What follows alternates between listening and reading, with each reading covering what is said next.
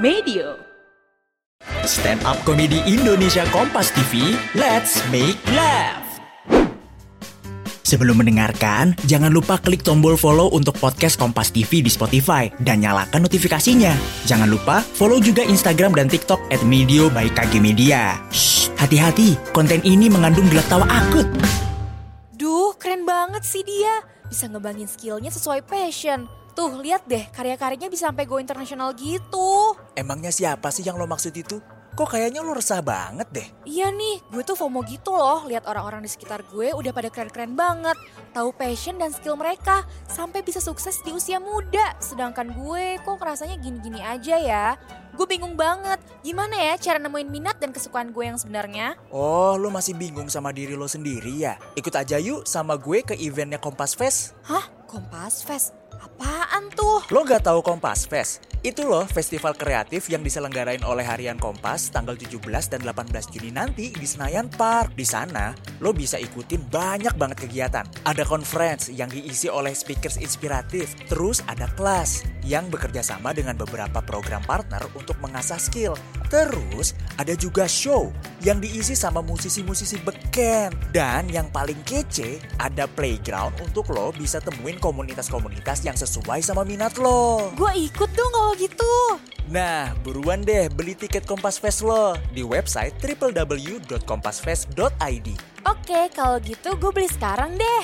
Nah, gitu dong, biar lo bisa semangat ngembangin diri lo. Kompas Fest 2023 Creation Hosted by Harian Kompas Co-hosted by Ida Laju Main sponsor by Astra Co-sponsor by PLN, BCA, Golda, Bukit Asam, dan United Tractors Venue partner Senayan Park Bismillahirrahmanirrahim. Assalamualaikum warahmatullahi wabarakatuh.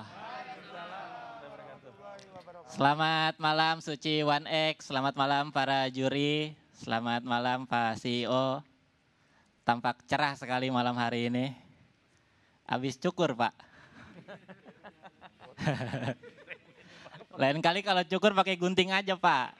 Jangan dijambak hilang semua. Maaf ya Pak ya.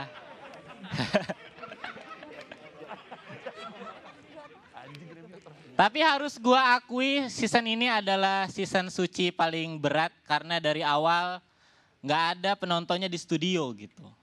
Kalau dulu season 7 konsepnya kayak gini, gua yakin gua nggak akan juara. Karena gua yakin gua nggak akan daftar. Ngapain gua tampil tiap minggu nggak ada yang nonton? Mending gua di rumah nungguin Suca.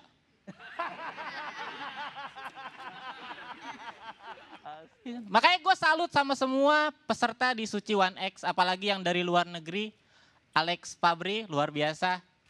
Gara-gara ada Alex di sini, gue jadi tahu ternyata untuk masuk dan bertahan di Suci nggak perlu punya materi yang lucu-lucu banget. Cukup punya materi yang lucu-lucu bule. lucu-lucu bule lagi. Ya kan, lucu-lucu bule bahasa lainnya tipis-tipis respect. Nah, itu. Sebenarnya keren sih Alex gitu, cuman memang kurang cocok aja ikut suci. Lebih cocok ikut kelas pecahkan. Ya. Tenang Bang Panji nanti saya regisin dia. Bagus. Tapi ya gue nonton banget gitu Suci. Salah satu alasan gue pengen jadi stand up komedian juga gara-gara dulu gue nonton Suci season pertama. Dulu gue belum ngerti apa itu stand up komedi. Jadi pertama kali nonton Suci yang ada di pikiran gue, apaan sih? orang ngedumel kok dilombain?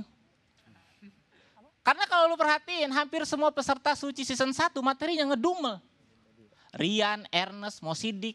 Yang enggak paling cuman uh, Wisben. Wisben naik panggung sulap. Pas dia sulap kita ngedumel. Apaan sih? gue ngikutin banget gitu. Lama-lama tuh gue dari yang tadinya heran jadi kagum. Kata gue kok bisa ya? Orang ngedumel tapi lucu. Dan yang lebih bikin kagum waktu di Suci satu, gue nonton penampilan Asep Suwaji. Kata gue kok bisa ya? Orang ngedumel, tapi lupa.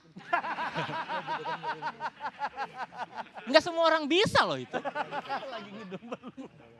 Dan kalau lu perhatiin di setiap season pasti ada aja peserta yang ngeblank di atas panggung.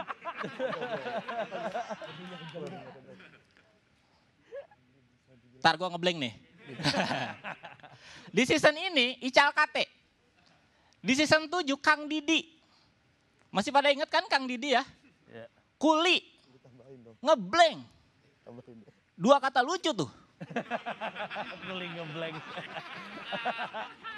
Kuli ngeblank. Untung dia ngeblank pas lagi stand up. Bukan pas lagi nguli. Lagi masang-masang keramik. Tiba-tiba ngeblank. Pas beres, kenapa jadi Fajel? Bongkar lagi. gitu. Untuk bertahan di kompetisi ini tuh susah banget gitu. Tapi kalau berhasil jadi juara, jaminan dapet karirnya tuh gede banget. Yang paling enak jadi juara season 5, 6, 7. Regen, Jegel, gua.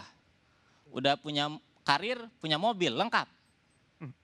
Yang nggak enak, juara season 8. Popon Kerok. Mobil nggak punya, karir nggak tahu. Makanya di season ini gue ngasih tahu aja gitu buat para juri, pilihlah juara yang kira-kira peluang karirnya tuh besar setelah kompetisi. Gue saranin malam ini yang juara mending Rio.